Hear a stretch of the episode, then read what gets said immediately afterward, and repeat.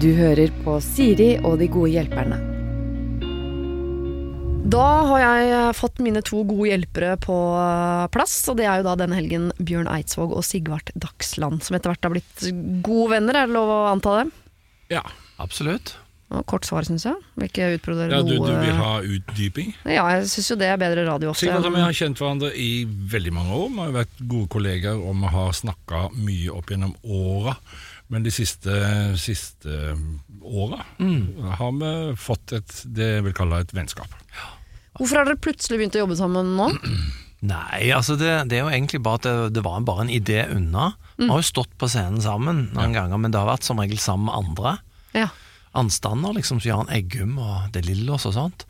Og så eh, kom jeg plutselig på at nå var det en veldig god idé å turnere oss to sammen. Og det er første gang i historien, men det bare Plutselig kom ideen. Jeg hadde tre konserter i Operaen for tre år siden, tror jeg. Og da på, var det ikke det? Jo.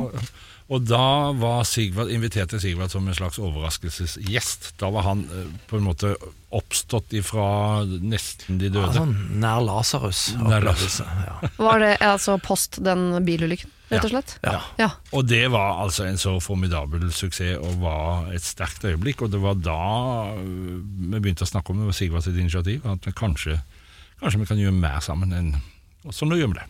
ja. Og det er vel litt koseligere å dra to på tur, eller når man skal til uh, små plasser og sitte lenge i buss og tog og fly og ja, men nå er vi jo ti.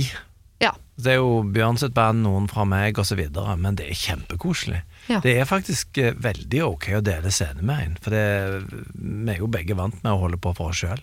Ja. Syns det er helt supert. Jeg har jo sett dere begge live, men hver for dere. Mm. Eh, Bjørn, der så jeg i uh, Son kulturkirke for ikke så veldig Ja. lenge siden. Det var med svigermor, det var veldig koselig. Mhm. Og Sigvart, der så jeg for mange år siden, dette husker ikke du, for da var jeg eh, en sur og stuttjukk prodas, eh, og du var gjest i et program eh, hvor du blant annet framførte eh, Blackbirds sammen med Maria Solheim. Mm. Husker du det? Ja, med uh, Fridtjof Wilborn sitt program. Ja, stemmer. Yes. Det var koselig, det. Ja. Det, jeg trodde da at det var din sang, for såpass musikkignorant var jeg. Ja. Altså, gidd det var. Jeg tar gjerne æren for den. Ja, det fikk du av meg lenge da. Det er noe av det vakreste jeg har hørt. Eh, men hak, ja, det er, nå hopper jeg veldig, men plutselig fikk jeg det for meg at du har et helikopter, Bjørn Eidsvåg. Eh, nei, jeg var medeier i et firma som hadde som disponerte helikopter. Og sånt, Ja. og det, hvilket betydde at vi hadde tilgang til å fly når, vi, når det var litt sånn krise og akutt. Altså måtte, om vi måtte komme fort til et sted, så hadde vi mulighet for å benytte oss av det. og Det var ganske behagelig. Men Eh, stemmer men- det at dere parkerte litt unna scenen, da? For å ikke virke for blærete når dere kom? Ja, jeg tror et par steder så var vi blærete og parkerte nesten på scenen, men, Ja. eh, men eh, med stort sett så eh, parkerte vi et stykke unna. For det var liksom ikke det er, det er ikke helt politisk korrekt å fly helikopter til Nei, så uh, Sigvart får ikke lov til å, å være med i helikopteret nå når dere skal rundt i sånn Sortland den- og Kabelvåg og Nå, nå er det liksom den epoken så å si over. Vi har, ja, så Nei, du har vel aldri vært Nei, jeg har aldri, aldri fått vært med i helikopteret ditt. Nei, det ser du. Nei. Det tror jeg ikke er mange venner som sier til hverandre. Nei, det ikke. Ok, eh, nå, vi skal ikke snakke så mye om uh, turné. Det kan jo være mm, deilig med en liten pause eh, før man i det hele tatt har begynt fra turnélivet. Vi skal snakke om problemer som folk der ute har. Og vi skal starte med et problem som handler om aldersforskjell. Eh, men denne gangen er det motsatt av det vi kanskje er vant til, for her står det. Jeg er en dame på 45 år som etter fire år som singel har fått meg kjæreste. Han er kjekk og smart, og vi har det så fint sammen. Men han er bare 32, og jeg gruer meg sånn til å presentere ham for venner og familie. Og det merker jo han, og han blir lei seg. Men jeg er jo ikke egentlig flau over han som person, det er bare alderen. Men nå må jeg vise det til han, og jeg lurer på hvor jeg skal starte. Skal jeg introdusere han for venner eller familie først? Dette høres jo ikke så Det er jo ikke en sånn vanvittig aldersforskjell. Det er 13 år, men det er jo en del, da. Ja, og så er det jo, øh, når det er den aldersforskjellen, så er vi kanskje liksom godt vant med at det er mann på topp. Mm. Her er det noe motsatt. Jeg vet ikke om det har noe å si. Ja. Jeg har inntrykk av at det der blir mer og mer andre veien. Altså at det er i ferd med å utjevne seg. Det er, ikke så, det er ikke så sensasjonelt at eh, kvinnen er eldre lenger. Nei.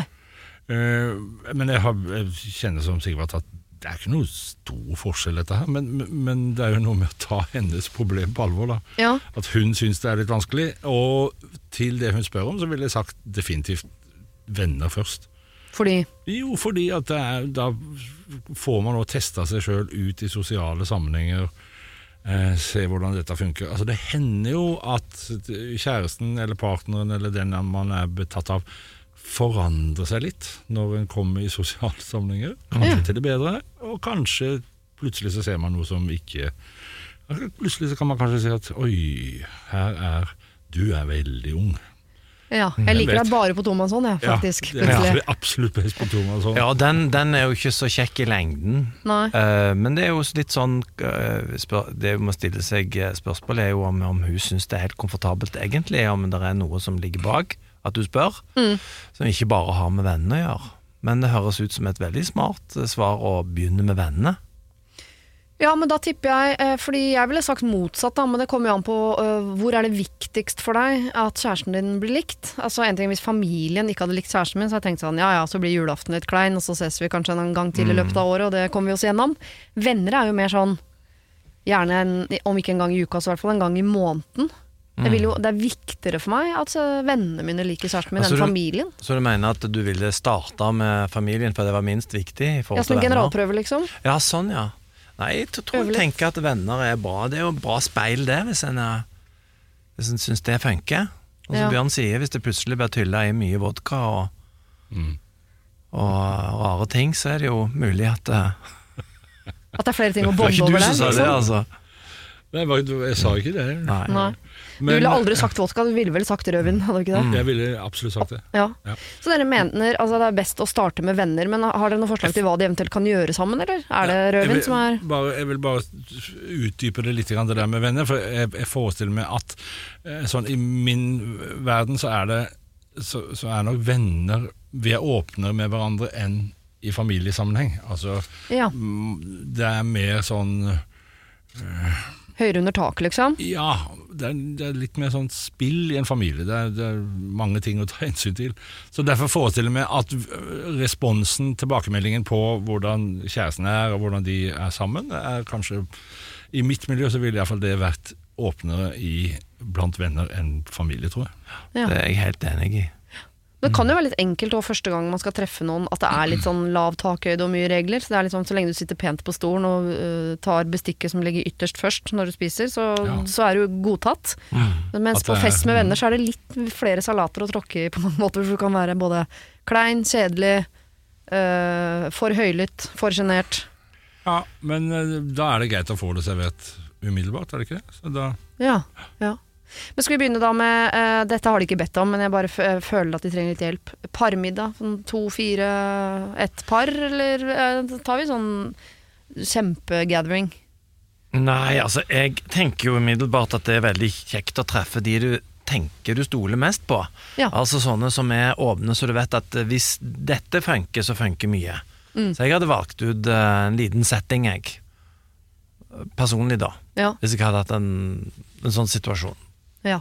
Sånn to-fire, to eller fire, eller noe sånt. ja. Da, eh, jeg vet ikke hvem som er nærmest kvinne 45 i alder, jeg eller eh, dere, men eh, eh, jeg tror faktisk det er meg. Ja. Det. Uten å Nei, jeg er ja. ikke, ja. Det var jo veldig hyggelig en stund, men så trakk jeg det. tilbake. det beklager jeg. Men, eh, og det kommer jo an på hvordan forhold, forhold man har til venner og familie, selvfølgelig. Eh, men hvis du føler at det er større takhøyde hos vennene dine, så kan det være et fint sted å starte, og kanskje da med de nærmeste og de du er mest trygg på. Og gjerne da en god rødvin til. Personlig syns jeg det var deilig å bare få unna familien først, som en slags generalprøve, men da må du bare kjenne på hvor du er mest trygg, og hvor det er mest viktig at kjæresten din blir likt. Og så må du høre på hva disse gutta sier, da. 13 år er jo ikke så veldig mye, så kan hende at dette problemet er større i ditt hode enn det faktisk er sånn i praksis. Men jeg bare kom på det. Det kan hende hun har sånn store unger, og han fortsatt går på BI, liksom. Da Ja da, jo, det er noen år imellom der. Ja. Går du på BI når du er 32? Jeg vet Ja. ikke, jeg. Det er ikke så mange som gjør det.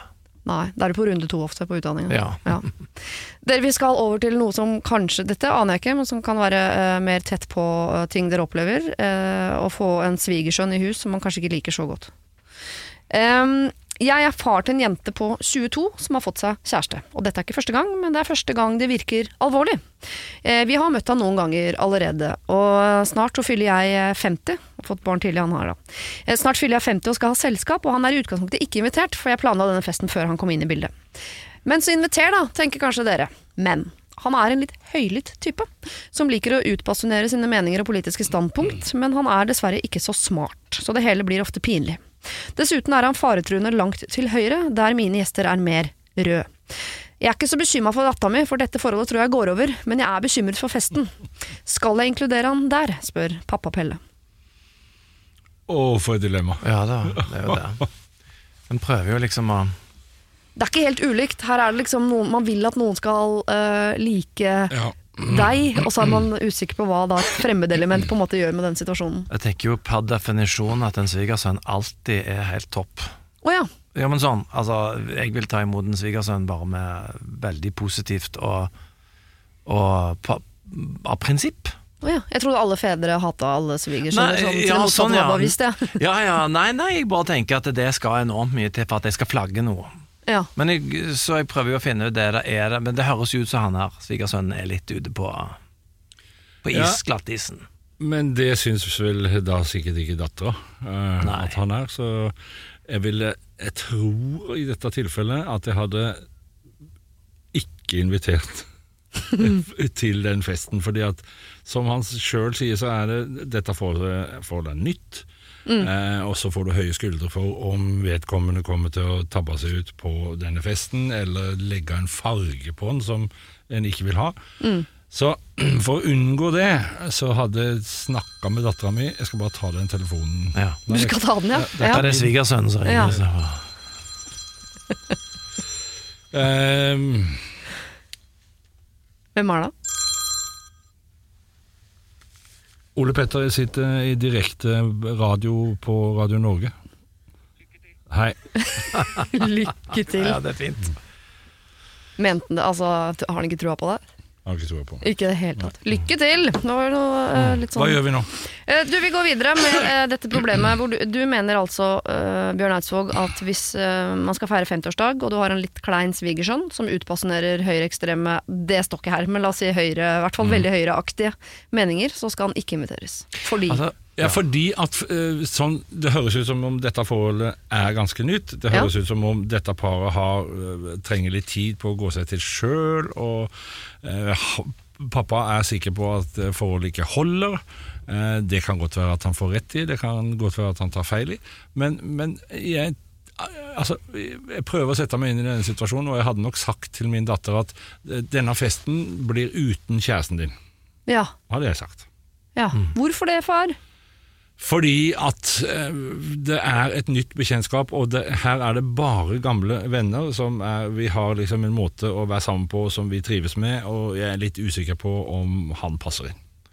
Men tror du ikke han, eh, og nå ser jeg på deg Sigvard, tror du ikke at han kanskje i et sånt selskap hvor det er masse øh, voksne menn, vil forsvinne litt da? At han, han kunne like seg vært der som et hvert møbel, på en måte? Altså jeg tenker jo mer Dette har jo med datteren òg å gjøre. Altså, altså, han må invitere denne eh, svigersønnen på en eller annen fest, sannsynligvis, hvis det varer. Så problemet kan du utsette, sånn som Bjørn sier det, ved å ta vekk akkurat den, den festen. Men så må han jo inviteres inn på en eller annen måte. Altså Hvis ikke så kan det jo bli et problem i forhold til datteren osv. Så, videre. Mm. så det er, hvis han føler at, eh, at det ikke blir for krise, så kan han holde han vekke fra den. Men må, slå, må, må, må jo ta han inn på neste fest, må han ikke det, Bjørn? Ja, og akkurat nå når du snakker, så kommer jeg på at man kan jo gjøre det helt omvendt. At, at bare gi blaffen i om han eventuelt driter seg ut, denne unge mannen. Inviter, og sats på at eh, det laget som man har samla, takler dette her. Ja, for altså, hva trenger ikke bli skremt av en som er litt høyrevridd, eller som er litt eh, høylytt. Ja. Det, det er jo noe, ja, det er noe der, altså. Ja. Det er noe med det at, at eh, Jeg er òg vant med sånn tidligere at jeg skulle ta ansvar for alle sosiale settinger. Mm. så hvis det var noe sånn eh, Hvis nå du og dere begynte å bli uenige, så skulle jeg gripe inn. Men det å bare se det utspille seg, og så stole på at folk er voksne, er jo en ganske stilig ting, det òg. Ja. Ja, for hvor mye sier det om Pelle at dattera hans har fått seg en type som er litt sånn uh, annerledes enn resten av selskapet? Sier jo ingenting om Pelle. Nei, spørsmålet er om han ligner ja, de, de velger jo ofte svigersønner som ligner på faren. ja, kanskje. Det er jo klassisk, jeg vet ikke, det kan ikke jeg si noe om, men eh, Men jeg Kanskje bare, jeg han var litt sånn høylytt da han var ung? Han har bare Kan glemt det? Eller kanskje Kan han er det ennå, han bare hører det ikke? Pelle kjenner seg igjen i denne her unge mannen og Mm. har ikke lyst på det møtet med seg selv som eh, 32-åring, eller hva han var. Ikke, nei, nei, ikke så, det var forrige, det. Ja, Ja, nei, altså han her er vel rundt 20, tenker Ja, jeg da. det er det. Ja. Ja. Har, du, har har dere nå snudd? Inviterer vi svigersønn, eller vi ikke? Jeg har snudd. Ja. Jeg inviterer. Ja. Ja, jeg har, òg jeg også snudd med at han må inviteres, men om det er helt kult eh, at han ikke inviteres akkurat nå, det er greit, men han må inviteres en eller annen gang. Og så kan han kastes ut hvis han er altfor høyvridd. ja. Ok, så inviter svigersønnen din eh, til 50-årslag. Mm. Eh, hvis du ikke fikser det, så i hvert fall si fra en sånn Du får ikke komme i 50-årslagen min, men 70-årslagen, kjempehyggelig Ja, om du vil komme dit. Kjempefint. Ja. Og Pelle er under ombygging, eller han Ja. Svigersønnen er jo under ombygging ennå når du er 20, Ja. så det er muligheter for utbygging. Og husk det, Pelle, at det sier veldig lite om deg, hvordan han uh, er, med mindre du egentlig vet at du er litt sånn selv, at det er derfor du er redd for dette, som vi jo har en liten gryende mistanke om, dessverre. Vi skal uh, fra den ene festen til den andre over i et uh, bryllup. Isfront med bruden var overskriften på denne mailen.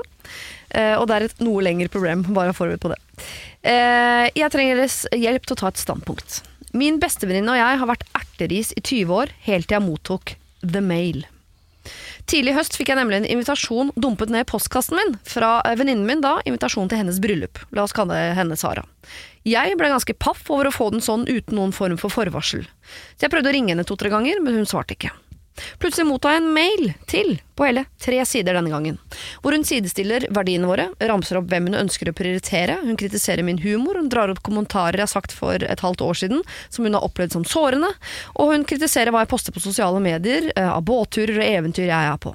Vi er veldig forskjellige. Bekjente kaller oss for Ferrari og Safari. Hun er svevende, en bokorm som gjerne bruker ferien på frivillige ting i, for SOS barnebyer, mens jeg bruker pengene mine på luksusferie. Tar meg en time på massasjebenken, løper rundt med jålete kaffe og noen kanelboller.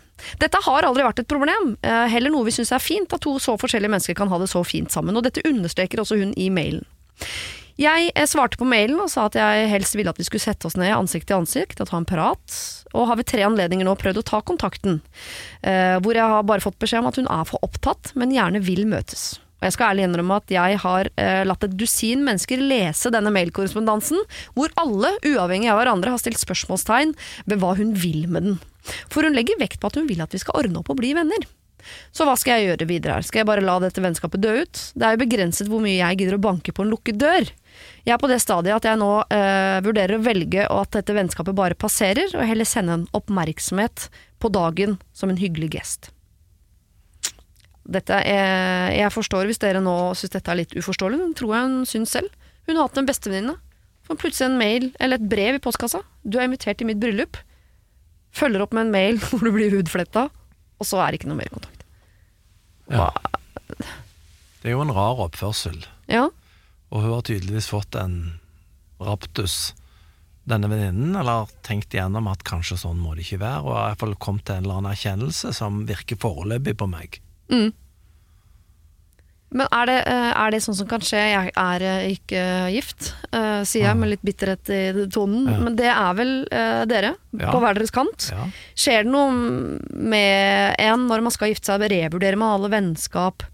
Er det da man begynner å se på hva som er viktig? Er det framtida, fortida, nåtida? Altså, er, går man gjennom en sånn prosess som hun her kan være et offer for, eller?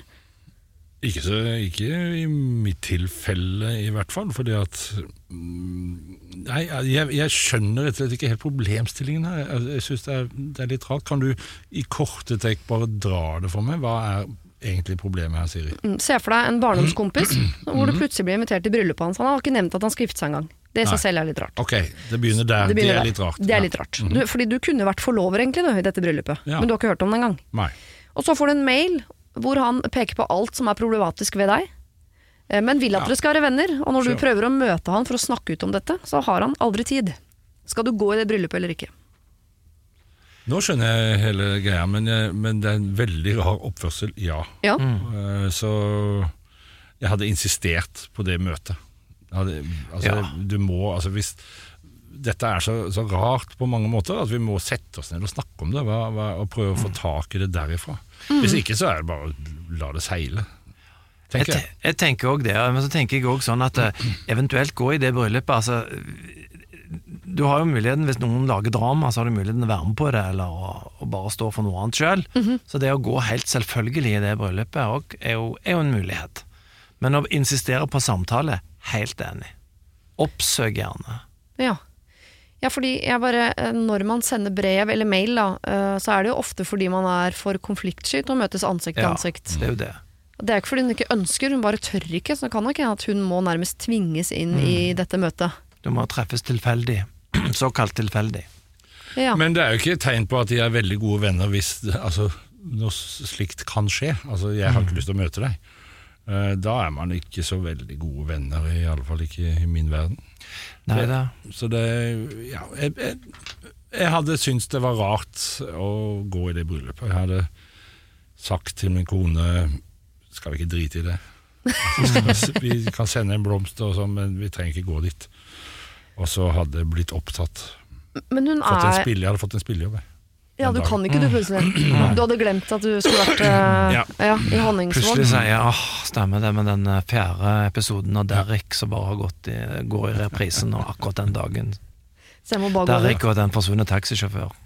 Jo, men dette, eh, det dere eh, beskriver nå, er jo grunnen til at mange vennskap går dukken. Det er fordi én gjør noe dumt eller er feig eller er konfliktsky, og så blir den andre for stolt til å gidde å, å holde i det, så hun bare fader ut til sida.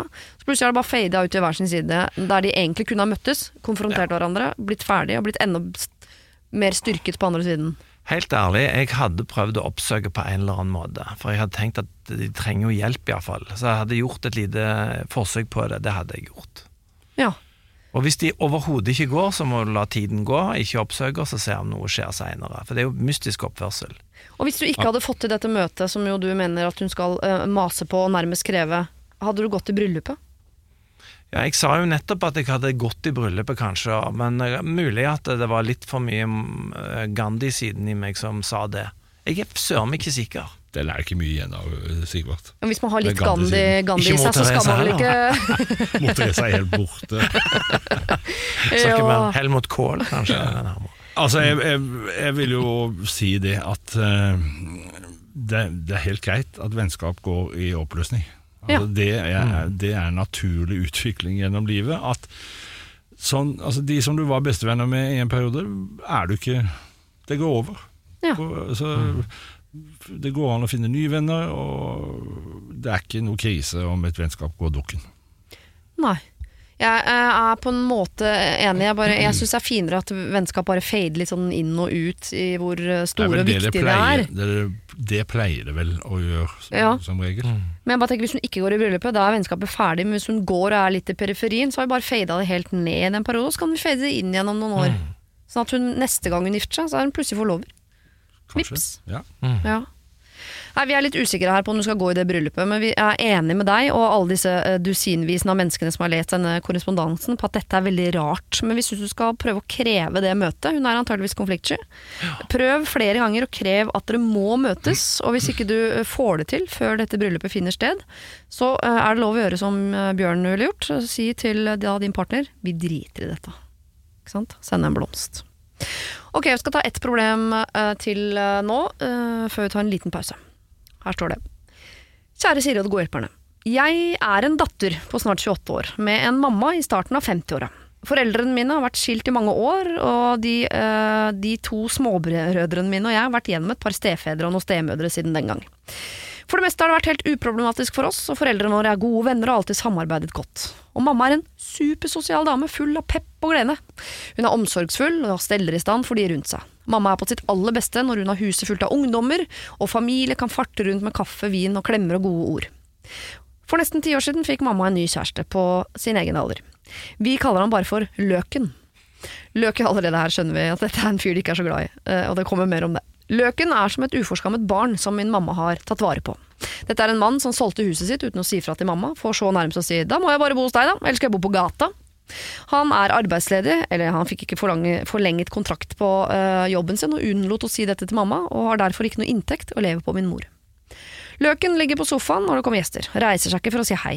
Han raper uten å si unnskyld, han slikker tallerkenen og fingrene etter et måltid. Han går fra bordet når han er ferdig og setter seg i godstolen med avisa, mens vi andre hygger oss rundt bordet. Også når vi er på middag hos andre. Han går heller på rom og spiller sjakk online enn å delta i fellesskapet på stua. Han stiller aldri spørsmål til noen andre enn mamma, og jeg har til gode å bli sendt med han etter ti år, tross flere forsøk fra min side. Det er en underdrivelse å si at han ikke er på bølgelengde med resten av familien, men mamma har valgt han, og som datter jeg, eh, eh, så føler jeg meg mer distansert fra min mor, fordi jeg ikke klarer å se det hun ser. Det er vondt å se sitt store for forbilde, min vakre mor, ta til takke med en slik tilværelse, og det er vondt å se at det splitter familien, som jo egentlig er en raus og god en. Alle syns det er ubehagelig å være sammen med løken, og unngår det så ofte som mulig. Da unngår vi også mamma, og det er hjerteskjærende. Jeg vil ha tilbake mammaen min, og slippe å føle et ubehag i det ellers så varme, livlige hjem, hjemmet. Eh, og hun lurer på om det er noe, noe som helst hun kan gjøre for å komme tilbake til sin mor. Ja, hun har min, de har min medfølelse. Ja. Det høres jo problematisk ut, Løken, dette her. Ja. ja. Skjønner hvorfor han kalles Løken. Men eh, jeg tenker jo umiddelbart at dette, her, det, dette er ikke noe hyggelig eh, bilde som tegnes. Eh, men har man egentlig noen annen mulighet enn å respektere mammas valg? Altså, kan Barn kan jo si til mamma eller pappa at det er et rart valg. Det er litt vanskelig å komme hjem fordi at det er vanskelig å like løken, eller hvem det måtte være.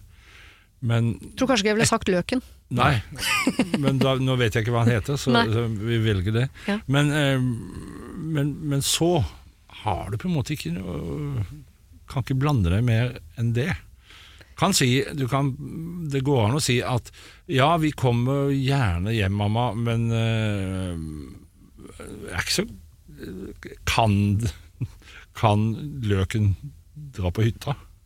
Ja. Nei, kanskje ikke det går, kanskje går an å si det. Jeg, jeg vet ikke. Men i utgangspunktet så tenker jeg at respekten for mammas valg må man ha. Altså det, du kan ikke blande deg opp i det. Ja, for ofte er det vel mer mellom to mennesker enn det vi ser. Det er en del forhold man ikke forstår fra utsiden, så Ja. har de et eller annet magisk sammen som, som kan være at de har kommer et til sin rett når de er seksualliv som er helt vilt fantastisk, som Ja. mamma prioriterer veldig høyt. Ja, Dette vil ikke Irma, som hun heter, høre, men kanskje løken er helt rå i senga. Ja. Det vet vi ikke. Nei, ikke spør mamma om det. Nei. Hva tenker du er, eh, Sigvard? Nei, altså, det høres ut som en ganske sprøstekt løk. Mhm. det, nei, jeg, Det likte Bjørn veldig godt. Ja. nei, eh, her er jeg enig med, med Bjørn om at eh, en prat med mamma, iallfall en skikkelig prat, mm, kunne vært greit, men mer enn det kan du nesten ikke gjøre, for hun har gjort sitt valg, og han høres ganske uspiselig ut. ja. Han gjør jo det. Så det her, jeg hadde, hvis jeg hadde snakket med min mor, og løken hadde fortsatt å være på samme måten, så hadde jeg jo begrensa hvor mange ganger jeg traff de to sammen, iallfall. Mm. Hadde jo prøvd å treffe mor min på en annen måte, sånn som Bjørn antyder her om utenfor huset, eller på en eller annen måte, at de treffes mer. Men la oss si at barna øh, dine kommer hjem en dag og sier, Sigvard, for eh, la oss si at du har en ny kjæreste, da. Mm. Kommer barna dine hjem en dag og sier eh, Pappa, vi har egentlig ikke noe særlig lyst til å feire jul med deg i år, fordi vi orker ikke å være i samme hus som nye kjæresten din. Mm. Uh, ja, selvfølgelig, hvis du har valgt den kjærligheten, den må man respektere, og det kan nok hende du allikevel hadde valgt å ha feire jul med bare kjæresten, ikke barna, men hadde ikke det Det hadde vel gjort at du i hvert fall måtte se på kjæresten din en gang til med noen nye briller, når du vet at eh, den, hvis jeg går inn i denne kjærligheten, så mister jeg kontakt med barna mine. Ja, det, det er masse biner å gå i der. Akkurat når det gjelder jul, så skal en jo som regel holde sammen, men det var jo den generelle kontakten ellers. Ja. Så jeg hadde Hadde jo ikke så ofte dratt hjem eh, med løken der. Hadde du gjort det, Bjørn? Nei, jeg jeg hadde nok ikke det. Eh, eh, Og jeg hadde vel Altså, ser for meg min mor, hvis hun hadde fått seg en ny kjæreste, som var sånn, så hadde jeg sagt at eh, mor, dette, jeg gidder ikke være sammen med han. Altså, jeg gidder ikke være sammen, så, men vi møtes når som helst, hvor som helst, uten. Uten Men, men, men nå er jeg en gammel mann, altså jeg er ferdig med å bli en gammel mann, så jeg kan si sånn. Det hadde kanskje vært verre hvis mor var um, 50, men hun Ja. er snart 90. Så, Ja. så da er det på en måte lettere. Jeg vil bare lese en, en liten del av mailen om igjen. Uh, mamma er på sitt beste når hun har huset fullt av ungdommer og familie og kan farte rundt med kaffe, vin og klemmer og gode ord.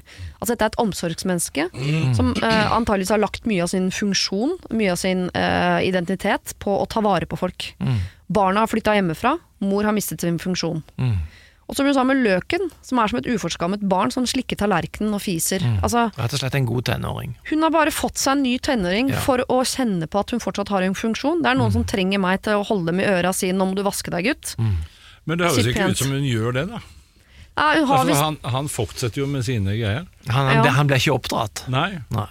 Nei, men Kanskje hun håper på det, akkurat som eh, foreldre håper med barna sine. Jeg holder, på jeg eh, holder fortsatt på å lære mine barn eh, bordskikk. Jeg har jo ikke gitt opp, selv om de er åtte og ti. Nei. Så det kan hende at hun er midt i en sånn 'jeg gir han ikke opp', han kommer til å bli en fin fyr. Mm. Bare jeg holder ut. Han skal bare gjennom puberteten, han der eh, løken. Men jeg tror ikke på prosjektet. Nei. Nei. Men eh, nei da, det er jo å begrense og samtidig få sett mamma. Det er jo det. Ja.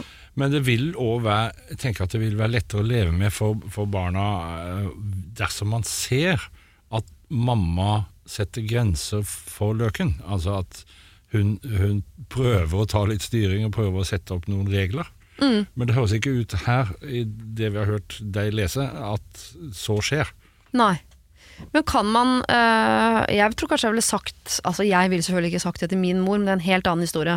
Men øh, hvis jeg hadde vært Irma, så tror jeg jeg ville sagt til min mor Jeg har hils, Eh, jeg har hils på din mor, jeg. Jeg vet det, Hun Ja. snakker om det hver gang jeg møter henne. Ja, jeg føler at Det er det viktigste som har skjedd i min mors liv, er at hun har truffet eh, Bjørn Eidsvåg Ja. altså, så- i kantina på NRK sammen med min datter. Sammen med din datter. da. Ja. Det, det er det som får oss gjennom jula. Ja. Det er det møtet men Så der. hyggelig. Det er veldig hyggelig. Så de må kanskje treffe Bjørn Eidsvåg. Ja, det kunne vært eh, løsningen her. Men jeg bare lurer på, hvis man er litt sånn ydmyk og går fram og sier sånn Mamma, jeg trenger å se hva du ser i løken. Fordi det eh, hjemmet som var så Ja. livlig og fint før, det føler jeg at ikke er her lenger. Og da må, det, da må jeg forstå hva grunnen til det er. Og det må, det må du fortelle meg, for jeg, jeg ser det ikke. Ja, dette er klokt, Siri. Dette er en veldig bra måte å gå fram på. For da Altså, kan det hende at mor kjære tenker sånn Jeg klarer ikke å forklare deg det. Hm, kanskje han ikke er så fin fyr. Jeg slår opp med han fyren, jeg. Kjære mamma, jeg har så stor respekt for dine valg. Jeg er så glad når du er glad. Mm. Eh, Jeg, du må forklare meg hvordan, hvordan Hva er det me mellom deg og løken? Hvilke flotte kvaliteter er det han har som du har falt for? Dette er en super måte Det er bra. å kommunisere på. Det er jo two blessings and a wish. Altså først noe godt, Ja. og så Så enten si det, eller sørg for å treffe Bjørn Eidsvåg. Ja. Det er de ja, to Sånn at de kan snakke om han den, i julen når de er sammen, og dermed blir kjekt. At løken kanskje blir engasjert. Ja, Ja. ikke sant? Og alle kan snakke om Bjørn den dagen vi traff Bjørn. Hvor var du da? Ja. Dette syns jeg er et godt forslag. Ja, absolutt. Absolutt. Har du problemer selv, send dem inn til siri at radionorge.no. Ok, uh, mine to gode venner som jeg føler at vi nå har blitt. Nære venner, forlovere. Ja. To forlovere. Plutselig dumper hun ned en invitasjon til bryllup i, Ja. eh, postkassa. Det, altså, det er faktisk et problem fra eget liv. at Jeg har veldig lyst Vier du folk, Bjørn? Eh, Jeg, jeg vier deg. Gjør du det? Mm. Ja, da har jeg en forespørsel. Det er, du er den eneste brikken som mangler i, i mitt Er, det, er det lokføreren ennå? Ja, Ja. Du må vie oss i en robåt i Kongsvinger. Ja. Det ville jo- Kongsvinger? Det, vil, det vil jo okay. din mor likt. Det ville min mor absolutt uh, ha satt pris på. Dette må vi snakke om. Dette må vi snakke om. Kommer ikke til å snakke om bryllupet bare. hva Bjørn var da. Husker du den dagen Bjørn Hva var Å ja, du gifta deg! Ja, Ja, Mm, ja, ja. Nei, men Bjørn, han Var det Bjørn som gifta seg? Sigvard kan komme og synge. Ja, Ja, jeg kan synge. Du snakker ikke om meg heller. Nei, men Bjørn Og var synge den Blackbirds-låta di som Ja, du skrev for Som jeg skrev. siden. Mm. Ja. Jeg har kjent mye på. Jeg skal spørre dere om eh, hvordan dere er som venner. Ikke nødvendigvis til hverandre, men hvordan er du som venn, Sigvart? Styrker, svakheter? Jeg tror eh, Altså, jeg er eh, Jeg er ganske god å si at jeg er glad i folk. Ja. Og så er jeg eh, egentlig ikke så glad i konflikter. Nei. Men hvis det er noe som står i veien for vårt vennskap, så må jeg eh, ta det opp med dem på en hyggelig måte. Så jeg tror de vet hvor de har meg. Ja. Det er ikke sånn at jeg går rundt grøten med dem. At de vet hva jeg står for, og at jeg er glad i dem. Det du kan, tror jeg. Du kan si til en kompis har du- Sier du til Bjørn at sånn 'jeg er glad i deg'? Altså Er det helt Ja, naturlig for jeg deg å si? faktisk Ja, det har sagt. faktisk sagt. Det har jeg. Hva svarer du, Bjørn? Ingenting. Nei. nei. Han skal ha ditto, sier han. Eller 'den må jeg returnere'. Right Men- back at you, sier han ofte. Men jeg har lyst til å skryte av det også, Sigvart. At, altså, vi har hatt noen sånne, ikke store konflikter, men vi har hatt noen uenigheter eller ting som kunne ha blitt Mm. uh, i, i samarbeidet vårt på denne turneen. Ja. Og da har jeg satt veldig stor pris på at du veldig kjapt tar opp det som du kjenner hos deg. Dette kan, dette liker jeg ikke helt, dette kan gå en vei som jeg ikke liker. Og det, det har du vært bra på. Det er så bra. Ja. Altså, du kjenner sånn, nå er det noe vi begge går og tenker på her. Og så Jeg kan jo ikke ta ansvar for han, men, men iallfall som jeg tenker på. Og mm. sånn som Med Bjørn så er jeg jo så glad i han og respekterer han sånn, så da vil jeg gjerne rydde det av veien. Og det har jo egentlig du vært enda tidligere ute enn meg, for du har alltid vært veldig tydelig, syns jeg. Og det er veldig, sånn, veldig greit å forholde seg til, at liksom ikke bare sånn katten rundt grøten og på en måte at at det er noe under hele veien. Det Ja. liker jeg ikke. Nei. At det er noe under som jeg ikke får tak i. Da prøver jeg å gå på det. Ja. Så det er noen venner som har kalt meg inkvisitorisk. Ja. Såpass. Ja. Men, men, men de har Det ordet er jeg litt ment, usikker på, men det høres ikke så positivt ut. Nei, når, når jeg sa det nå, så kom jeg på at eh, jeg må spørre hva de mente. Ja. det er ingen her som vet hva det betyr. Nei, det, er nei, det er jo rett og slett at du, du på en måte Du gir, du gir deg ikke med å stille spørsmål. Nei. Ja, men hvorfor, hvorfor, ja, for, ja, men hvorfor tenker du det? Hva er det? Altså, Vil til bunns i ting. Men ikke for å få dem til å tro da, men for å få dem til eventuelt si hva det er for noe. Ja, Men ok. egentlig det er for å få det. det til å tro, tror jeg. Men vi trenger jo noen sånne på dusinet av konfliktsky, fordi folk flest er jo konfliktsky. Så hvis det kan være en inkvisatorisk oppi den suppa der, så er det bra, det. Kvisitorisk. Enkvisitorisk. Kommer aldri til å bruke det ordet. Nei. Nei. Eh, hva med deg da, Bjørn? Har du de samme egenskapene? Ja, altså jeg tror, jeg tror mine venner vil si at Eller du spør hva, om hva jeg tenker om meg selv som venn. Ja. du er ikke så flink på å si at du er glad i folk, kanskje? Jo, jeg er nok det. Ja. Uh, altså, gi meg et glass rødvin, Ja, ja. så renner det over av kjærlighet og, og varme. det gjør det. Uh, og så er jeg bra Jeg er ganske raus. Jeg liker, altså det, jo, det kan alltid være en sånn dobbel ting. Eh, fordi at altså, han som spanderer hele tida, og han som Ja. Det kan være, for noen er nok det litt ekkelt. Og det er noen av mine venner som er veldig tydelige på at det vil vi ikke Ikke gjøre det. Altså, nå er vi ute sammen, nå deler vi regningen. Ikke ikke ta mer, du. Men jeg tenker at liksom i, til tider når jeg har hatt mye penger pga. voldsomt platesalg, ting, det, dette er gøy å bruke. Altså, dette er kjekt å bruke på gode venner og god mat.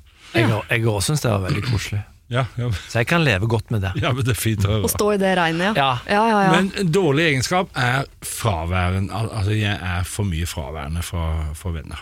Og det både rent sånn praktisk, at jeg faktisk er det, altså at jeg er såpass mye på turné.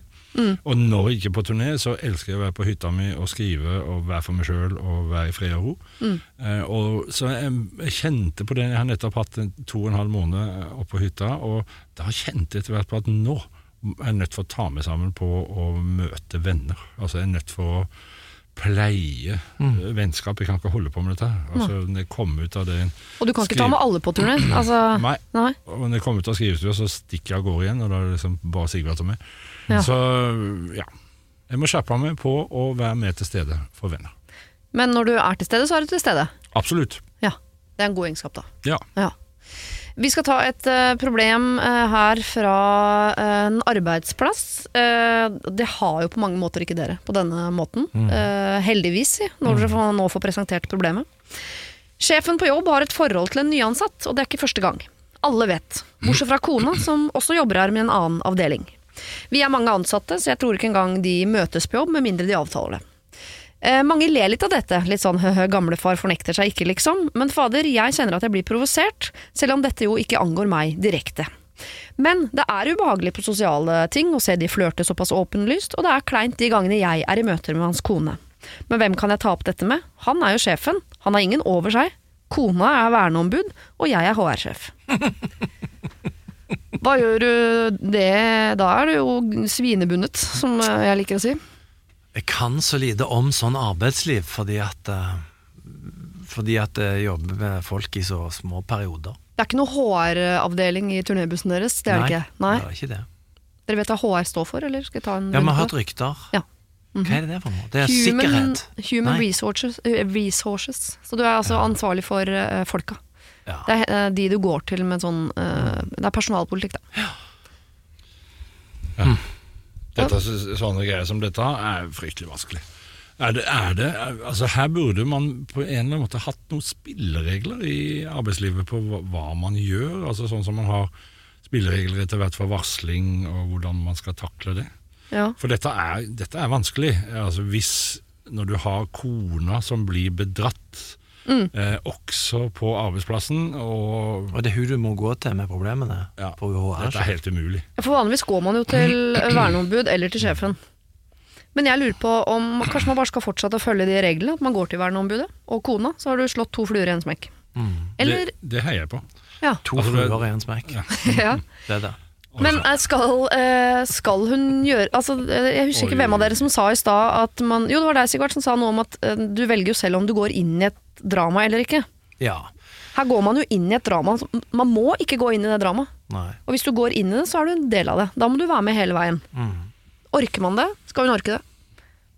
Jeg syns ikke ja, det det er, Altså Hvis dette som hun sier, da, at det legger en demper, altså det, det gjør det utrivelig å være på arbeidsplassen. Mm. Eh, hvis det gjør det for flere enn henne, så er jo dette noe, noe som må tas opp. Men det spørs, hvor mange, ja, så spørs det hvor mange ansatte de er òg. Det høres, kan høres ut som en tapt sak, nemlig. Det ikke går så bra. Det enkleste er jo å la være. Altså Det enkleste er å lukke øynene til dette her, men, men det, er ikke, det, er, det er ikke det lureste, tror jeg. altså. Usikker, Nei, og så syns jeg det er dumt når det er en Når det er en som faktisk liksom, i hvert fall gjør noe med det ved å sende oss en mail. Da er du på en måte, har du gjort mer enn mange andre. Hvis vi knebler de, så er det jo ingen igjen som tør altså, Da er det jo ingen som gjør noen ting. Det er litt sånn som at du er inkvisitorisk Sitorisk. i din konfliktsky gjeng. Vi må jo ikke, da må vi ikke ta bort den egenskapen. Så jeg tenker hvis HR-sjefen her nå kjenner på eh, et behov for å, å, å si fram dette her, som jo ikke er greit, Mm. Så tenker jeg at da, hun må gjøre det. Bare, for- har glemt. HR-sjefen er hun, eller er det konen? Eh, Nei, kona er verneombud. Ja, så hun. Nei, altså, ja. eh, Men jeg kan så lite om sånt, for det er klart det står mye på spill. Du kan miste jobben, sant? Ja. Og sånne ting. Så det, det vet jeg litt lite om. Men normalt så ville jeg jo tenkt at hvis hun føler et enormt Nå vet jeg ikke om jeg har rett, eh, eller om jeg ombestemmer meg i løpet av setningen, men hvis hun har et veldig behov for å ta det opp og syns det er veldig viktig for bedriften, så burde hun jo snakke med sjefen, kanskje. Og gå rett til han, ja. Ja. Det er jo det kanskje streiteste. ja. Alle Men det ser hva trenger, du ikke med. gå, det trenger Ja. ikke å gå bra, altså. Nei. Men jeg ser at Ja, og så videre. Det kan, det kan jo Det kan jo kanskje miste jobben på, eller bli fryst ut. Det kan skje. Hva Ja, med det er iallfall ikke en gyldig oppsigelsesgrunn. Nei, det er det jo Så, ikke. Mm. Og dette høres ut som det er et privat foretak. Det, det står det Det ingenting om. står ikke noe om Det er en ganske stor bedrift, står det. Så. Ja. Men hva med liten sånn anonym lapp til verneombudet? Eller kona, da? Mm. Jeg hadde først gått for Sigvard sitt forslag om å snakke med sjefen. Ja. Altså Noen må ta det opp med sjefen. Finn den ene personen som kan gjøre det. Da er det kanskje UH, Human Resources-dama, da, som kan, kan gjøre det. Men kanskje hun da si, det er Vi ser hva som skjer. Mm. Ja, men kan hun da Jeg vet at dette er litt sånn en feig måte Kan hun da late som hun gjør det i lys av at det er jobben hennes? Sånn, Ja. de- De ansatte har kommet til meg Ja. Ja. fordi de syns det er ubehagelig det du driver med, og de Ja. har ikke noen muligheten til å gå til verneombudet. Men hvis ikke du rydder opp i dette, så er det faktisk min plikt som HR-sjef, la oss si det er det, da, vi håper det, Å gå til, å gå til verneombudet, og det er jo kona di. Mm. Litt sånn Der har du truende. Så hva gjør jeg her? Ja, hva syns du vi skal gjøre? Mm. Ah, Nei, det, det, ikke uten risiko, men det, hvis det er viktig, så må, må det kanskje gjøres. ja. Sånn skal det gjøres. Sånn skal det gjøres, Mm. men ingen i dette rommet hadde antageligvis gjort det. Det må vi bare innrømme. Jo, jeg kunne funnet på å gjøre det, men jeg har jo som sagt ikke sånn Jeg har ikke hatt streit jobb siden, uh, siden krimkrigen, liksom, så jeg har jo ikke helt peiling. Hva jobba du med da? Det var bare plutselig Da, nysgjerrig. da, het- da het han Florence Nightingale. Det var før Mor Nei, det var platebutikk og Ja, platebutikk. Ja, Jobba i et par platebutikker. ja, Det er min karriere ja, I din hjemby.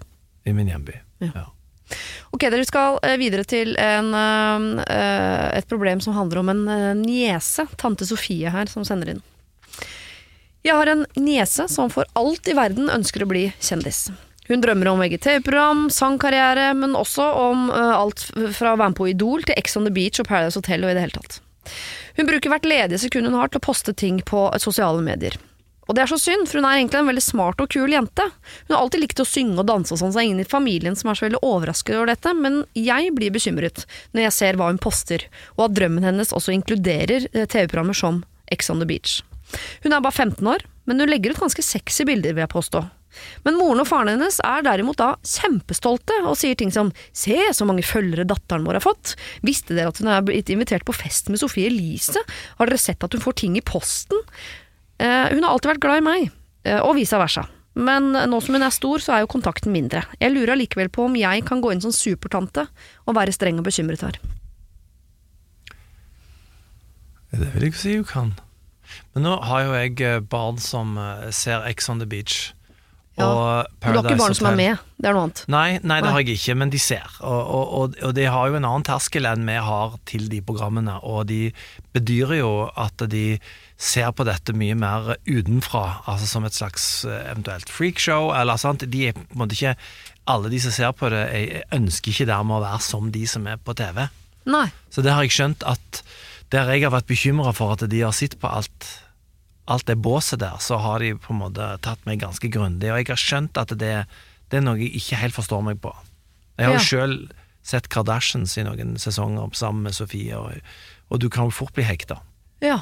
Men, Men- her tror jeg det er uttrykt et ønske om å faktisk være med når du blir stor nok. Mm. Og det er det jo lov å være Og at allerede nå som 15-åring legger ut på en måte litt sånn sexy bilder på ja, sikkert Instagram eller øh, Snapchat eller hva det måtte være da. Mm. Jeg skjønner at man blir litt bekymret da som tante, men har man noe øh, hva hadde man tenkt som Hva hadde jeg tenkt som mor hvis øh, søstera mi kom inn og sa sånn Nå må jeg gripe inn, for nå syns jeg ikke du oppdrar dattera di godt nok. Mm. Det Det, går jo an å stille spørsmål. Altså, det går jo an øhm, En fin måte å snakke på er å si hva en føler sjøl, altså, og hvordan en opplever ting sjøl.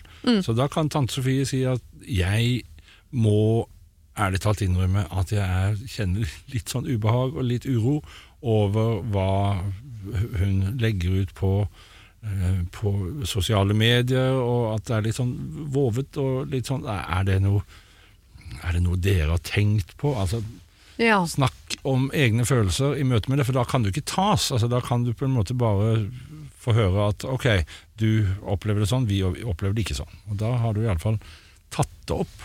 Og så den andre sida av dette her, tenker jeg at altså 15-16 eh, år, da er det Altså, ting går fort over. Plutselig så kan denne jenta få en slags politisk omvendelse og bli kjemperød ja. og melde seg inn i Ottar og, og gå en helt annen vei. Altså, Ja, Så jeg, ville ikke ha vært så fryktelig bekymra for dette. Altså. Nei, jeg tenker jo på det der mottoet med det, det du motstår består, og det du ser på forsvinner. Altså Hvis du motstår noe og jobber mot det altså Jeg har tenkt med mine barn at uh, ved å gi dem aktiv motstand, så blir de gjerne værende ved det ekstra lenge. ja. Mens ved å la det få være en fase hvor du kommer med visse innvendinger, da kan det fortere gå over. Mm. For vi får jo ikke lov å være med på noen av de programmene før om en god stund. Nei, ikke før hun er eh, 18 er det vel sikkert, og så må hun ha opparbeida seg noen ekser og, som kan dukke opp på stranda der òg. Men, men altså, mormor til mine jenter Hun er jo, kommer jo tydelig inn som mormor og sier hva hun er kjempeskeptisk til. Mm. Og det er de helt vant med. Ja. Det er jo en fin ting, da. Fin korreks, tenker jeg. Ja. At, eh, at du kan si det til henne, til og med. Ja. Til hun, jenten, og bare si her, jeg som tante må bare spørre deg. Mm. Enig. Hva vil du oppnå med dette bildet, Ja. eller Ja. ja, Er du klar over hvordan de ser på deg? Ja, eller, eller aller helst bare hva du føler når du ser det. Og, Ja. ja. Ja. Men tante Sofie er jo Det må jo ligge en eller annen frykt for å bli upopulær, eller for å blande seg i noe som altså, Til syvende og sist så er jo tante Sofie redd for at dette ikke skal komme heldig ut. Altså at jeg blir upopulær eller sett på som en tante Sofie, en, en slags bitchy tante. Det må hun tåle. Ja. tenker jeg. Altså det, det, må du, det må du tåle. Altså hvis du kjenner på at dette skal tas opp, så ta det opp. Og så får du heller tåle den kjeften du måtte få. Det er fint med mangfold. Det høres ikke bra ut at de er så stolte av likesene til datteren. Det er jo litt uh, red flag. Mm. Så der, det er jo kanskje det hun er redd for å blande seg opp i, da. Men hun bør absolutt tørre. Ja. Min far eh, han var altså dødsstolt når han var på konsert med meg og så at det var så mye folk der. Ja. Han var helt fra seg av begeistring. Snakka om det til alle, vet du hva. Det var fullt hus. Når det, Ja. Altså, det, dette er bare en sånn der eh, parallell til likes. Altså, det er lett å bli begeistra for at barna er populære. Da. ja, det er det. Ja, og Da tenker man ikke på hvem som sitter i salen. Da var nok sikkert ikke det noe problem, eh, Bjørn. Men det er jo det man er redd for her. At hvem er det som liker disse bildene, og hvorfor? Mm. Det er jo ikke eh, gamle tanter som sitter og applauderer og sier sånn Nei, så sunn og flott uh, jente. Ikke sant? Det sitter jo og uh, potensielt det det. sprengkåte 30 år gamle gutter, liksom. Sitter og ser på dette her. Mm. Men ja, jeg er helt enig. Eh, Si, eh, still gjerne spørsmål til foreldrene, eh, sånn at de kanskje blir mer oppmerksom på dette. Og er det sånn at de er stolte, så er de det. Da kan du fortsatt komme inn som en tante fra siden og si hva du mener direkte til niesen din. Da må du tåle å være upopulær, eh, for det er ikke sikkert da foreldrene liker så godt. Og det er ikke sikkert du får den effekten du vil ha heller hos niesa di. Men kanskje legge til bare sånn er det ikke også viktig at du sier sånn, uh, i og med at de har så god kontakt, da, hvis dette skulle gå uh, feil vei og hun blir lei seg en dag, at hun er den gode tanta som på en måte står klar til å, å ta henne imot eh, hvis hun skulle angre på noe hun gjør en dag, da. Absolutt. og- men, men, også- liksom. men det er jo forskjellige måter å si det på. Det er jo å si at her, jeg er jo så glad i deg, og, og alt. Bare å spørre deg om en ting. Hva tenker du når du gjør det? Altså at jeg Ja. Jeg syns det ser litt rart ut, men hva er det du tenker? Altså, det går jo an å spørre sånn. Jeg tror jeg ville faka sånn ja, åh, Gamle tante Sofie skal opprette Instagram, kan ikke du hjelpe meg litt? da? Du er så god på de greiene der. Så er vi i gang. Sier sånn oi, se på de bildene her, det var jo nesten begge puppa ute. ja, ok. Hvem er det som sitter og ser på sånt, da? Aktiv, at man kan gjøre seg litt dum på det. Ja, prøv det. Du må i hvert fall gjøre et eller annet, ikke bare sitte på sidelinjen og se på. Dessverre, dere, eh, så er det nå engang sånn at det er nesten ikke mulig å bevege seg i samfunnet om dagen uten at korona blir et, eh, et tema. Og vi har også allerede nå fått inn eh, en eh, bekymringsmelding, eller en eh, bekymret mail om ikke annet, fra en som kaller seg hønemor. Hun skriver Jeg har en bror som er av den lemfeldige typen. Altså, han tar alt som det kommer, han er aldri redd eller bekymret for noen ting. Jeg er hans rake motsetning. Jeg har alltid antibac i veska, roper 'hjelm' etter ungene på sparkesykkel osv. Jeg vet at han syns at jeg er hønemor, og at han syns at jeg er nevrotisk. Og jeg vet at han koser seg ekstra med sin avslappenhet i forhold til meg. Til uken kommer han hit på besøk. Jeg har nemlig blitt mamma for første gang. Bror har vært i Italia, ikke i nord, men allikevel. Og jeg har hørt han hoste på telefonen, men han avfeide det som vanlig og sa sånn nei, nei, nei, dette her er ingenting. Men jeg blir jo redd. Jeg vil jo ikke at min tre uker gamle baby skal utsettes for noe risiko. Samtidig vil jeg ikke gi han gleden av nok en gang å få bekreftet mine nevroser. Så skal jeg bare ta sjansen. Hønemor. Nei, Ikke ta sjansen? ikke ta sjansen. Hvorfor ikke? Nei, for jeg tenker at det er, det er lov å være streng eh, når du har en nyfødt baby og har nettopp blitt mamma. Det er lov å være streng. At dette her Jeg liker ikke at du har vært i Italia og at du hoster. Jeg er kjempenevrotisk og altfor redd for dette her, men det er det jeg er. Så, så du er nødt for å i det minste holde avstand til, til dette barnet. Ja. ja. Holde avstand, hjelper det da? Holdt jeg på å si?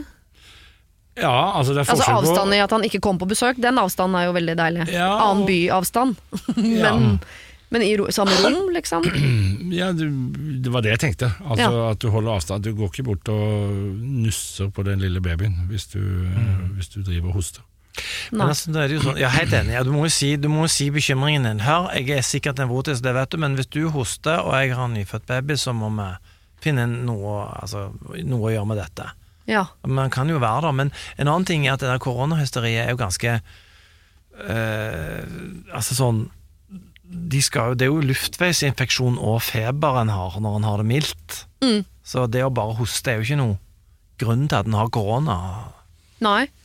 Nei. Etter all sannsynlighet så har han jo ikke det, men det er jo bare den Vanligvis når man er mor for første gang, så vil man jo ikke at folk med flis i fingeren skal komme på besøk, for man er jo redd for at det skal smitte. Så øh, å være hønemor når man er nybakt mor for første gang, Det det tenker jeg er ganske vanlig. Så dere sier at, eh, at det her må Men hun må si ifra, det er jeg helt enig i. Hun Ja. må si ifra til han. Jeg er hønemor, ja, og sånn, men det må ikke smitte. Og- Men mener dere at, at han ikke skal komme? Tenker Ja. dere det? Kanskje det. Ja, Ja. kanskje. Ja. Ja. Men Jeg ville kanskje tatt fra han gleden på forhånd, så ikke han fikk gleden av å si sånn «Åh, 'du er så hønemor'. Så jeg sier sånn 'hei, det er hønemor som ringer', med Ja. alle nevrosene sine, for å si Ja. at du kan ikke komme på besøk. Ferdig. Mm.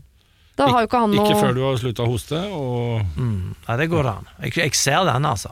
Ja, men du, er- du øh, har litt lyst til å ha han på besøk? Du, det Ja, på jeg bare, ja, for at jeg bare tenker det, det koronagreiene er Det blir jo et hysteri, da. Ja, Det er jo ganske tydelig når folk har det. Og, ja. Jeg er enig i det, men samtidig så er det hennes altså det, Den nybakte mammaen her sin bekymring er det som er viktigst. Ja. Tenker jeg, I dette tilfellet her. Og hysteri, det er lov å, å trykke litt på hysteriknappen rundt nyfødte barn og veldig veldig gamle, f.eks. Det- sånn, det er Ja, ja, absolutt. Det Ja. er jo bare å ta Alle- hensyn. Ja. Ja, Det gjør alle, alle trykker på den hysteriknappen. Altså, du klarer ikke å la være å være litt hysterisk når du er nybakt mor. Nei. Det, sånn er det bare. Det er regelen som, som sier at sånn er det. Ja. Det har du lov til å være. Jeg har forståelse for det. Ja. Ja, jeg bare husker når jeg var eh, nybakt eh, mor, så jeg jeg var veldig opptatt av å ikke være hysterisk mor. Så jeg, var, jeg tok ofte en del sånne sjanser bare for å vise verden sånn Se, så avslappet mor jeg er. Jeg, eh, ikke- jeg sier ikke at jeg slapp ungen min ut av 7. etasje uten hjelm, men eh, i hvert fall i møte med andre hysteriske Jeg hadde hjelm på.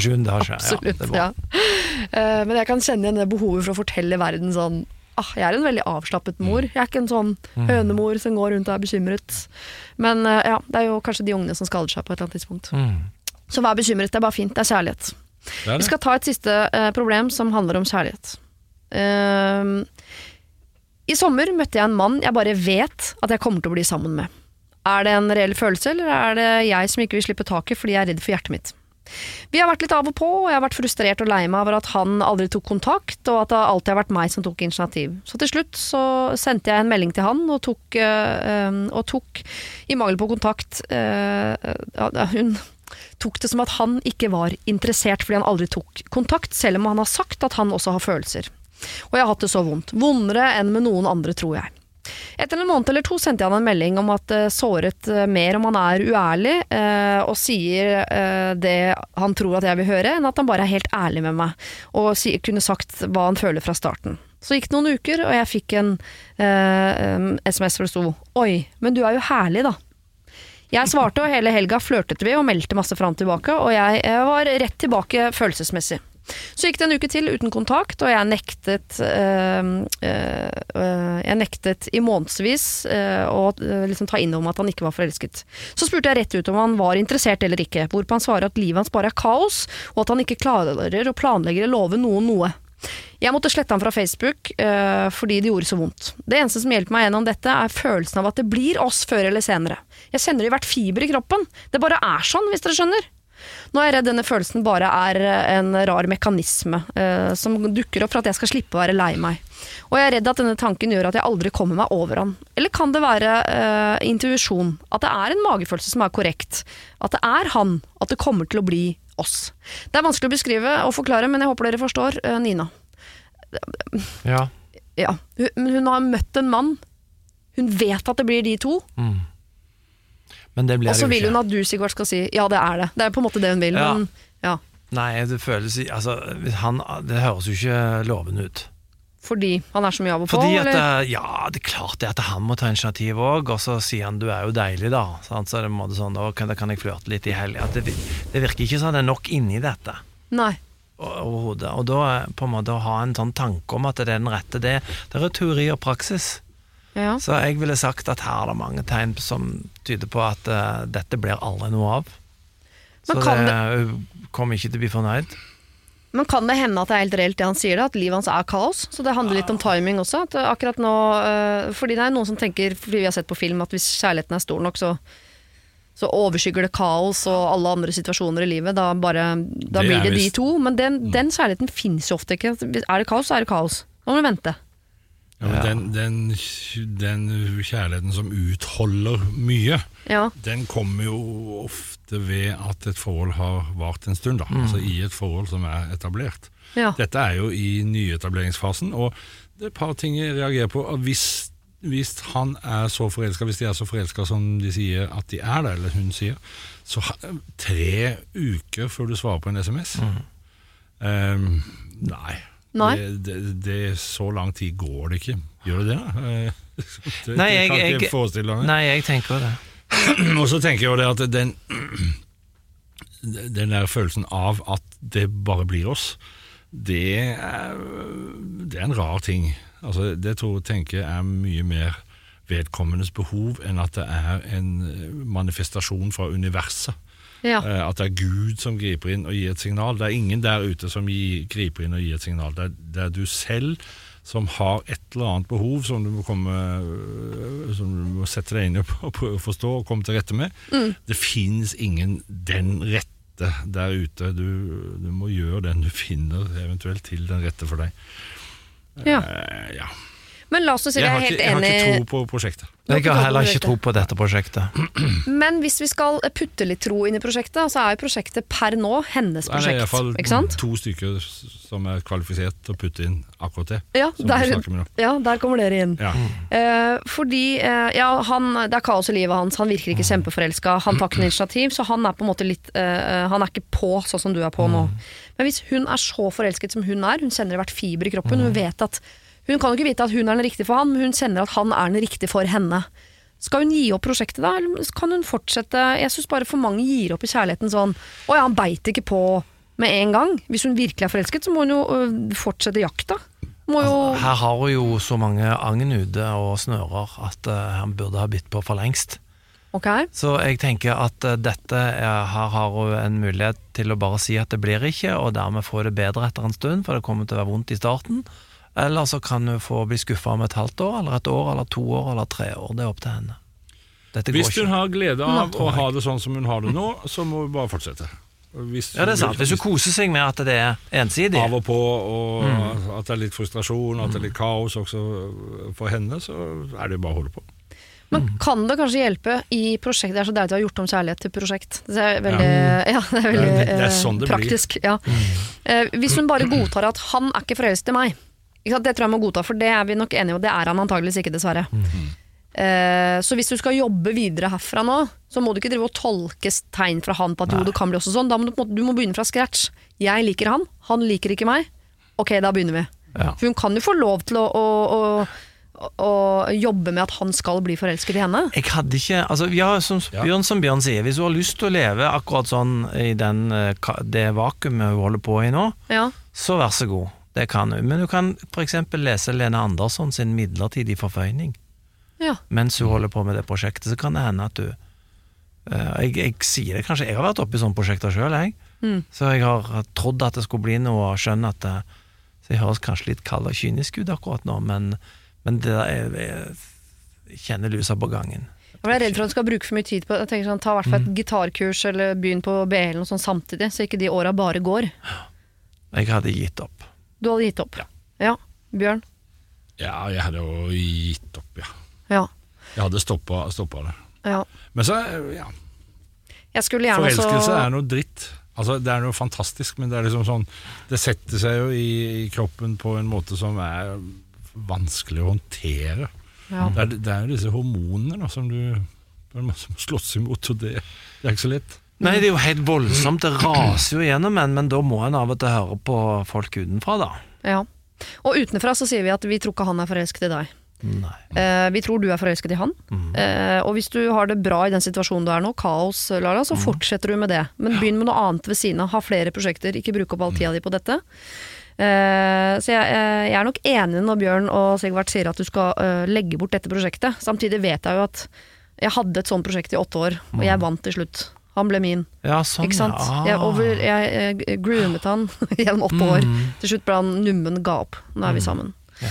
Eh, så det kan man også høre. Men eh, ja. Men var det så Nå skal jeg ikke gå i detaljer på ditt eh, privatliv, Må gjerne men gjøre. litt, ja, Ja. kjekt. Um, bare var høflig i starten. Ja, men sånn var det, var det så kjølig i andre enden som her? Nei da. Det var, eh, nei, det var ikke det. Nei. Men det var åtte år uten initiativ fra hans side, ja. Det var det. Ja. Men det var ikke initiativ fra min heller. Satt bare borti blåbærlyngen der og var forelska. Inni mitt eget hode. Ja. Så på han på avstand. Ja. Likte og visste inni meg med mitt, hvert fiber i min kropp at han er Mhm. Vi er eh, riktig for hverandre. Ja, så du har forståelse for henne, men, Ja. her, men, men her høres det verre ut enn i ditt tilfelle, syns jeg. Absolutt. Han vet at du liker han, Ja. Og han på en måte velger å si nei. Så Nina, jeg er helt enig at dette prosjektet må du legge bort. Ta fram kassegitaren eller begynn på BI. Ja. Eller les Lene Andersson, for den handler akkurat om en sånn historie. Ja. Hva har du sa den het, boka? Midlertidig forføyning. Kjempebok. Ja. Da er dere egentlig eh, eh, frie til å gå, med mindre du, Bjørn, ville ta opp det eh, ene problemet du hadde privat. Så kan vi jo hjelpe deg med det. Nei, jeg fikk ikke satt meg nok inn i det, eh, hva det egentlig dreide seg om. Altså det, det er familien som, som diskuterer hvem som skal ha tilgang til hytta når, og hvordan spillereglene skal være der. Det må jeg sette meg litt mer inn i før jeg kan ta det opp, men eh, Ja. når jeg er klar, skal jeg gi beskjed. Ja, Kan du ikke bare sende en mail til meg, Ja, så skal vi eh, ta det. Men Men jeg er anbefaler jo nå når vi nærmer oss påske, at det burde du ha tenkt på. Det er litt seint Og ikke ha satt opp en turnus. Ja, Poenget her er at det er tenkt på. Det er til og med nedfelt eh, skriftlig, dette her. Så, så snart skal far inn og si noe. Ja, da er reply all, og legge ved en sånn uh, Jeg minner om dette dokumentet. Reply all. Ja, Ja. ja. Jeg ville lest den Line Andersson. Ja, jeg skal lese den. Bare, har bare lest den boken, bare råder Bare den, alle ja. den her også. Tusen takk for at dere kom, gutter, og eh, kos dere i hjel på turné. Fortsett med det dere har gjort så langt. At Hvis det er litt sånn rar stemning, noen som går og tenker på noe, så tar du det opp, eh, Sigvart, med Bjørn. eh, For det setter Bjørn pris på. Så sier du etterpå 'jeg er glad i deg, Bjørn', og så sier Bjørn ditto. Og så har vi det gående. Ja. Eller den må jeg returnere. Ja. Og kos dere på turné. Det var det. Husk å sende ditt problem til siri at radionorge.no om du vil ha hjelp. Denne podkasten er produsert av Rubicon for Bauer.